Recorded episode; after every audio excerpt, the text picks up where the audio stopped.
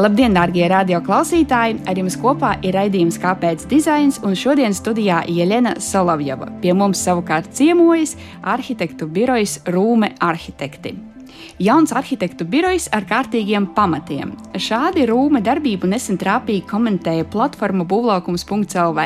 Man šis formulējums liekas ļoti, ļoti trāpīgs. Rūma ir Latvijas jaunās paudzes arhitekti, par kuriem dzirdam daudz un dzirdam regulāri. Biroja darbi plūc laurus vietējos un starptautiskajos arhitektūras meta konkursos. Pērn šis birojs ierindojās arī starp Latvijas arhitektūras gada balvas laureātiem un arhitekte Liene Adamāna Vāvere savukārt pavisam nesen ieguva arī Latvijas Būvinženieru Savienības balvu Gada jaunais arhitekts 2021. Mīļie ciemiņi, aicināšu jūs šodien runāt gan par jauno arhitektu balsīm Latvijā, gan par jūsu darbiem, gan arhitektūras jomas attīstību kopumā. Bet vispirms iepazīsimies. Liena Adamāna Vāvere, Oskars Vāvere, Līva Nordmana. Un kā jau es jau pieminēju, jūs esat gados uh, relatīvi jauns arhitektu birojs. Un uh, pirmā lieta, ko es gribētu jums pavaicāt, vai jūs saredzat kādas atšķirības uh, starp paudzēm šajā nozarē Latvijā? Un, ja jā, tad kā tās izpaužas jūsuprāt? Jā, es domāju, ka kaut kādu atšķirību noteikti var just. Mēs visi esam studējuši ap 2010. gadu, esam arī mācījušies un strādājuši ārzemēs dažādu uh, Erasmus programmu un citu programmu ietvaros, un daudz mērķiecīgi mēģināšu paplašināt savu redzesloku.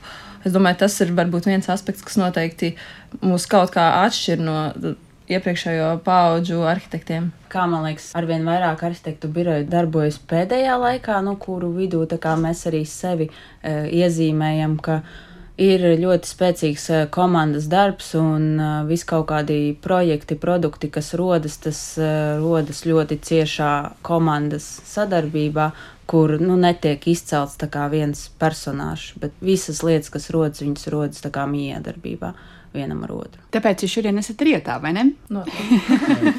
Gribētu pieminēt, drīzāk jau droši vien atsaukt atmiņā pavasara laiku, kad jūsu birojas gozējās, ja tā var sacīt, uz Latvijas arhitektūras žurnāla vāku, un tur jūs stāvējāt uz jūsu paša projektēta balkona vai ne viesturdārza dzīvojamo namu kompleksā, un tad, kad es ieraudzīju šo vāku, tad man nevilšas ienāca prātā salīdzinājums ar Bauhaus skolas studentiem, droši vien zinat slavenā fotografija, kur viņi ir uh, saspiedušies uz viena maza balkoniņa. Jūsu balkons bija plašāks, un arī jūs jau, nu, kā jūs pieminējāt, pirms jau kāda brīža tomēr pabeidzāt um, augstskolas studijas, bet gribēju pavaicāt vēl jūsu viedokli par arhitektūras izglītību Latvijā. Kas ir tās lietas, kur mēs šobrīd, jūsuprāt, esam labi, un varbūt arī varat minēt, uh, nu, attīstības iespējas, kas mums vēl ir jāpilnveido? Mums ir kaut kad jau sanācis par šo runāt citās vidēs un platformās, bet man šķiet tāda varbūt trāpīgākā doma par arhitektūras izglītību Latvijā ir tā, ka viņa neizbēgami ļoti labi sagatavo priekš uh,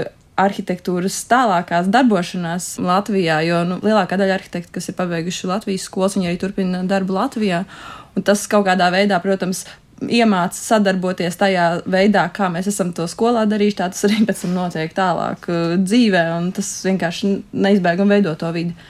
Taču tur noteikti ir ļoti daudz iespējas, kur paplašināties. Taču nu, man jāatzīst, nu, jau pēdējos gados neesam tādā ciešā saiknē ar arhitektūras skolām Latvijā. Mums nu, pēdējo laiku iespēja rodas vienīgi no jaunajiem arhitektiem, kas nāk pie mums strādāt un darboties. Un ir noteikti ļoti daudz labas lietas, bet, protams, varbūt tas sāpīgākais ir tas, ka trūkst varbūt tādas izteiktas specializācijas.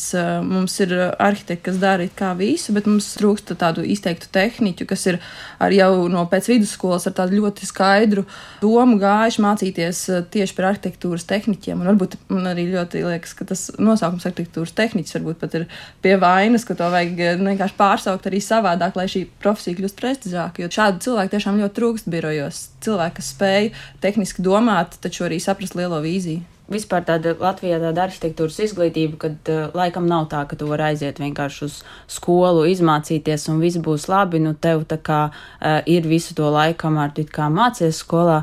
Viens ir kā, tas gribas spēks kā, paveikt to uh, skolu, viena lieta ir tas, ka, nu, ka tev ir jāmēģina kā, Tas, protams, nav varbūt lieliski, bet nu, Latvijas situācijā liekas, ka ir tā jādara, ka ir nu, paralēli jāveic kaut kāda praktiskā darbība, un plus jā, tas pats Erasmus, kur gūsti plašāku ieskatu, kas apkārt notiek, un ja tā kā pareizi kombinē visas tās lietas, tad arī, nu, tā kā veiksmīgi var darboties tālāk, bet um, tāda izglītība kā pati pa sevi, nu, ka tikai mācīties tā, varbūt laikam tas īsti nedarbojas labi.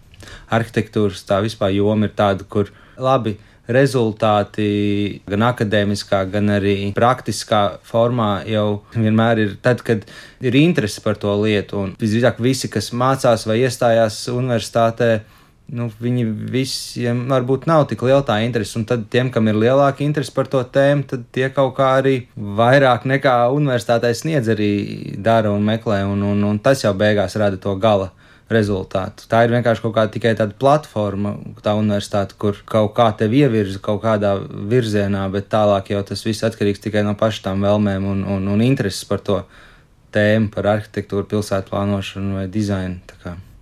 Nu jā, iekšējā motivācija jā, vai ne? No malas neviens mm -hmm. neuzspiedīs vai neiz, neizraisīs, vai tā varētu teikt. Kāpēc dizains?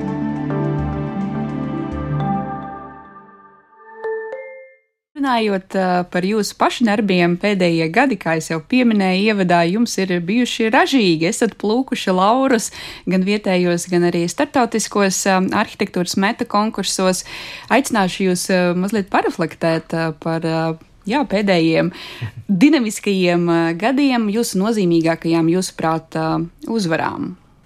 Mūsu pieci, tūlīt seši rūmas gadi, uh, tas Rūma arhitekta biroja tāda zem šī oficiālā nosaukuma gada, tas laiks, kad nu, mēs jau tā kā kā tāda ļoti noformatējusies komanda, stipri strādājām, daudz domājot par to, ko mēs gribam darīt, un daudz piedalījāmies konkursos, un arī varbūt kāds veiksmes faktors spēlē, mums jau arī pirms tam. Nu, Tie rūmas dibināšanas un rūmas darbošanās gadi, viņi ir pirms tam iesākušies jau ar kaut kādu trīs gadu periodu, kad mēs esam mēģinājuši piedalīties ļoti daudzos konkursos un tiešām attīstīt to savu rokrakstu un savas prasmes pilnveidot.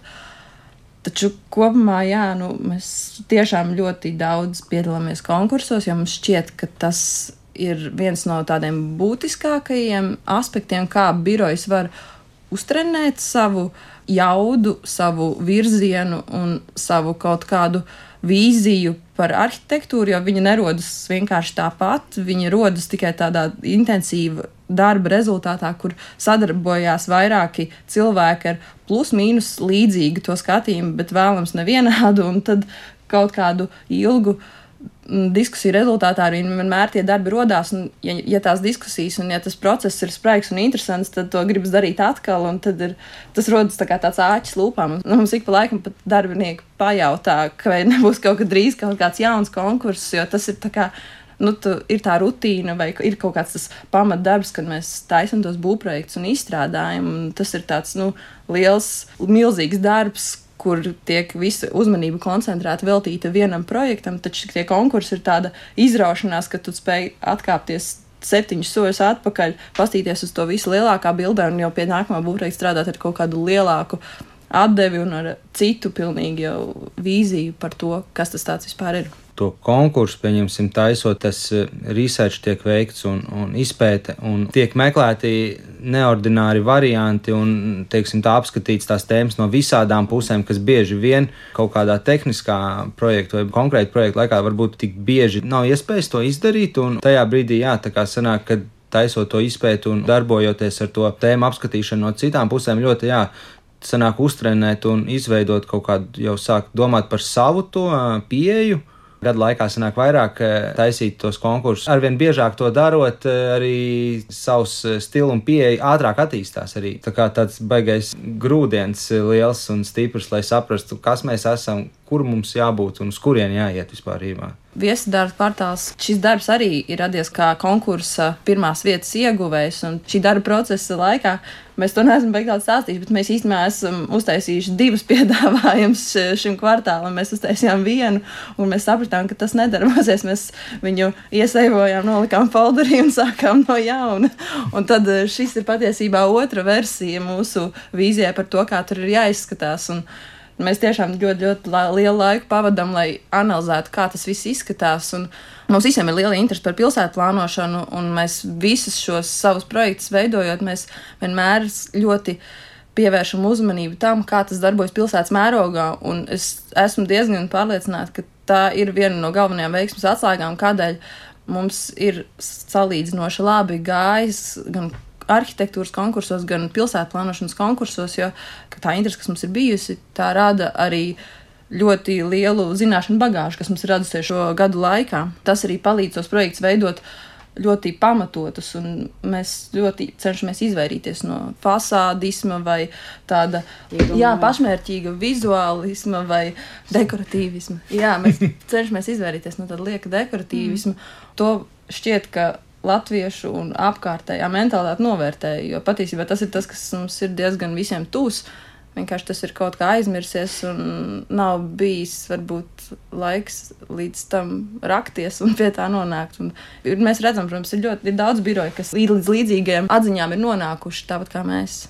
Un es domāju, tas arī varbūt arī raksturo mūsu paudzi vai vispār tādu labu arhitektūras scēnu Latvijā. Konkursos, pieņemsim, tā ēka jau īstenībā ir tikai pēdējais kaut kāds posmiņš tajā vismā pilsētas vai teritorijas vai kvartāla vai ielas mērogā tas viss jau ir izdomāts labi un uz cilvēku orientēts, tad, tad jau tālāk jau katru nākamo to detalizāciju ejot, tad ir pēc iespējas mazāk eh, iespējas kļūdīties, jo jau tas lielais ietvers jau ir pareizs un racionāls, labs apkārtējai videi, un tad jau tā ēka tikai un tā fasāde vispārībā tas tikai ir tāds beigu posms, vai negribu, bet. Man šķiet, ka pat vēl tā, ka tā fasāde vai kaut kas tāds ja tik ilgs ir process bijis pie šīs ēkas, tad jau kaut kur vidū visiem ir diezgan skaidrs, kā viņa izskatīsies un tiek tikai piefiksēts ar kaut kādām lietām. Ja tā kā paskatās tieši uz tiem projektiem, kas mums ir priekš mums galvenie un lielākie projekti, viņi arī ir tie, kuros nu, tā visa platforma tā kā veidojas, jo, nu, ja tā skatās, ka, piemēram, mums ir projekts pie Zunda kanāla, arī teritorija, uh, Zaķu salas teritorija, viesturdārs, kas ir jau tā kā vairāku kvartālu kopums, Mārupē vairāki lielāka izmēra projekti, viņos visos tā kā par un ap ir runa par kaut kādu nu, lielāku teritoriju un vides veidošanu, kur tā kā ļoti labi var iztrenēties ar visiem labajiem pilsētbūvniecības principiem, visiem labajiem uz cilvēka ikdienu balstītajiem principiem. Protams, kā jau saka, visi bērni ir mīļi un visi darbi ir nākuši, tā kā jūs minat, caur lielu izpēti un iedziļināšanos, bet varbūt, ka jūs katrs varat pieminēt, izcelt vienu savu darbu, nu, kur ir vienalga īstenota vai neīstenota, bet uh, kas ir sagādājis jums tādu vislielāko gandarījumu, ko veidojot? Visdrīzāk mums vismīļākie ir tie, pie kuriem mēs strādājam tieši šobrīd, jo tie ir tie, kuriem tiek veltīts visvairāk pūļu, enerģijas un zināšanu. Taču, protams, uzbūvētie un tie, uz kuriem mēs varam aiziet apskatīties dzīvē, un tad, kad tie ir uzbūvēti tiešām tā, kā mēs bijām iedomājušies, un esam mēģinājuši noturēt to latiņu tādā līmenī, kā mums ir gribējies, un tas ir sanācis. Nu, tas ir, protams, liels gandarījums. Kad mēs varam apmeklēt šos objektus klātienē un skatīties, kā viņi dzīvo, kā, kā viņus izmanto. Un, ja pasūtītājs ir arī priecīgs un ja visos veidos atmaksājas, tad tas ir milzīgs gandarījums. Mums laikam patīk eh, tie projekti, kur mums ir iespēja darboties no lielāka mēroga uz mazāku, un tad mēs jau varam sākt to lielo bildi iezīmēt, un tad iet ar vien lielākā, lielākā detalizācijā. Tas parasti ir diezgan liels gandarījums. Protams, tur ir daudzreiz lielāka atbildība. Tur jau sanāk tajā gala rezultātā, kad jau būs par to ēku jau jādomā, tad jau tu pats vien būsi atbildīgs par to, kas pirms tam ir izdomāts, bet sagādā to lielāko gandarījumu. Jo bieži vien, kad ir tikai jau par arhitektūru jādomā, tad bieži vien ir tā, ka liekas, ka varētu kaut ko baigi labi uztaisīt, bet ja tikai varētu tur to ielu pavīdīt, vai, vai kaut kā to zaļo zonu, vai kaut ko, un tas bieži vien rada tādu dažreiz rūkumu, kad tu saproti, kā to varētu izdarīt vēl labāk, bet ir lietas, kas pirms tam ir darītas, un tas tev ietekmē. Bet, kad tu pats spēj no tās lielās bildes uz to mazāko līdz pat arhitektūrai tikt, tad ir liels gandarījums par to visu procesu.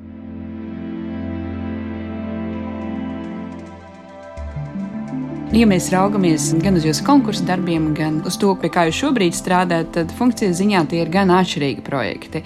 Vai jums, e, kā birojam vai katram individuāli, ir kādi dizaina principi, pie kuriem jūs vienmēr cenšaties pieturēties? Nu, citiem vārdiem runājot, kas rada labu arhitektūru jūsuprāt? Mēs esam par šo tēmu daudz, tā teikt, maluši, domājuši, runājuši, un, un kas laikam ļoti labi pierādas dabā. Pirmā uzbūvētā viesturdārs kvartāla sakarā ka ir ļoti domāts par visu to, kā cilvēks pārvietojas zemes eh, un pirmā stāva līmenī kā funkcionāli tā pārvietošanās ārtelpā, eh, iekštelpā ir uzbūvēta, lai viss tā kā maksimāli dzīvelīgi darbotos. Un viesturdārzā tas tā kā ļoti arī nu, labi parādas un atainojas, ka tā vieta vienkārši ir absolūti dzīvelīga un patīkama uzturēšanās vieta. Un tas ir tas, par ko domā būtībā visu projektu sakarā. Jā.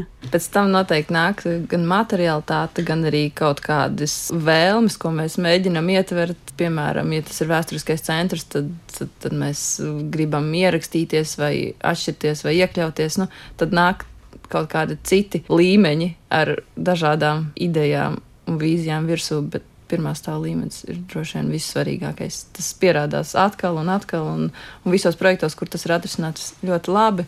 Tie vienmēr iet viegli un raiti uz priekšu, jo būtībā jau pilsētā cilvēki patiesībā izmanto un izbauda tikai to pirmā stāva līmeni. Tas viss, kas ir uz augšu, par to spriež arhitektūras kritiķi. Un, nu, tas ir vai nu smuki, vai nesmuki, vai ērti, vai nērti tiem, kas varbūt dzīvo augšējos stāvos, bet pirmais stāsts vienmēr ir tāds visbūtiskākais. Nu, es laikam eh, gribētu vēl pievilkt ūdens tēmu, ka mums eh, visi kaut kādi lielie attīstības projekti ir pārsvarā bijuši pie ūdens malām, līdzās ūdenim, un ka gribētos ar projektiem arī kaut kā bišķi mēģināt eh, savu tiesu ielikt tajā visā un, un mēģināt pārdarīt visas ūdens malas mazliet aktīvākas un apdzīvotākas un izmantotākas. Es domāju, ka Rīgā šis ir ļoti aktuāls jautājums. Vai jūs redzat, paturpināt šo tēmu par ūdens malām Rīgā, ko mēs tuvāko gadu desmitu laikā varam darīt ar šo? Nu, Rīgā ir viens liels bubulis, ielas gar Daugavu, kuras būtībā pilnībā nobloķē pieeju pie ūdens malām. Es domāju, ka to ielu situāciju gar Daugavu lielo maģistrāli, es domāju, ka to nevar atrisināt kaut kā korekti vai toleranti.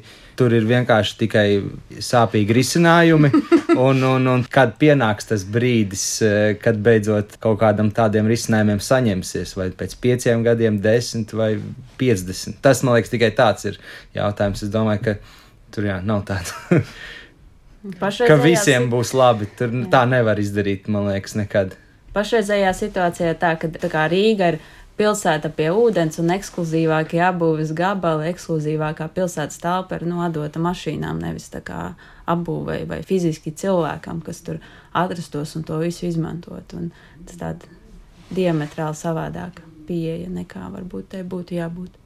Vēl viena lieta, ko es eh, gribētu jums pavaicāt, eh, mēs gan jau pieminējām, ka projektējat jūs gan eh, un piedalāties konkursās gan Latvijā, gan citvietā, un pilnīgi noteikti neprojektējat savus darbus tikai Rīgai, bet tomēr savu ikdienu jūs aizvedat galvaspilsētā, līdz ar ko es gribētu paturpināt to, ko mēs tikko aizsākām, un pajautāt jums, kāda ir jūsu vīzija par jūsu pilsētu, kā arhitektiem, kurā jūs dzīvojat, un kas ir jūsu sapnis par jūsu mājvietām, kādu jūs gribētu redzēt šo pilsētu. Mums ļoti gribētos uzslavēt tās dažas iniciatīvas, kas ir bijušas Rīgā. Vēlojoslas un kaut vai tie skaļi izskanējušie stabiņu stērba cielas. Visas tās lietas, lai kā viņas ir publiskajā telpā, kā rezonējušas, viņas patiesībā mūs ved uz to, kādai būtu jābūt uh, pilsētai, kas orientēta uz cilvēku un uz iedzīvotāju, nevis uz caurbraukšanu un mēģināšanu ātri nokļūt no punkta A uz punktu B, kuri pie tam vēl mainās uh, nebeidzami daudz. Ja mēs kaut kādā veidā, iespējams, tādā pašā veidā, kā tas ir stāsts par krastmalu, ar diezgan drastisku pieejamību, vai varbūt, protams, to iespējams var izdarīt arī maigāk, nu, nonākt pie tā, ka vienkārši tā pilsētvide ir jāiekārto pakārtoti iedzīvotājiem, kas dzīvo kaut kur turpat pilsētā, nevis caurbraucējiem, tad tā pilsēta jau noteikti kļūtu daudz labāka un patīkamāka, un arī vairāk cilvēku tajā dzīvo. Tas pierādās pilnīgi visās Rietumē Eiropas pilsētās, līdz ko viņu padara mājīgu un lēnu, tā viņa piepildās ar cilvēkiem. Cilvēka nezudamības likums. Jā, kas tāds.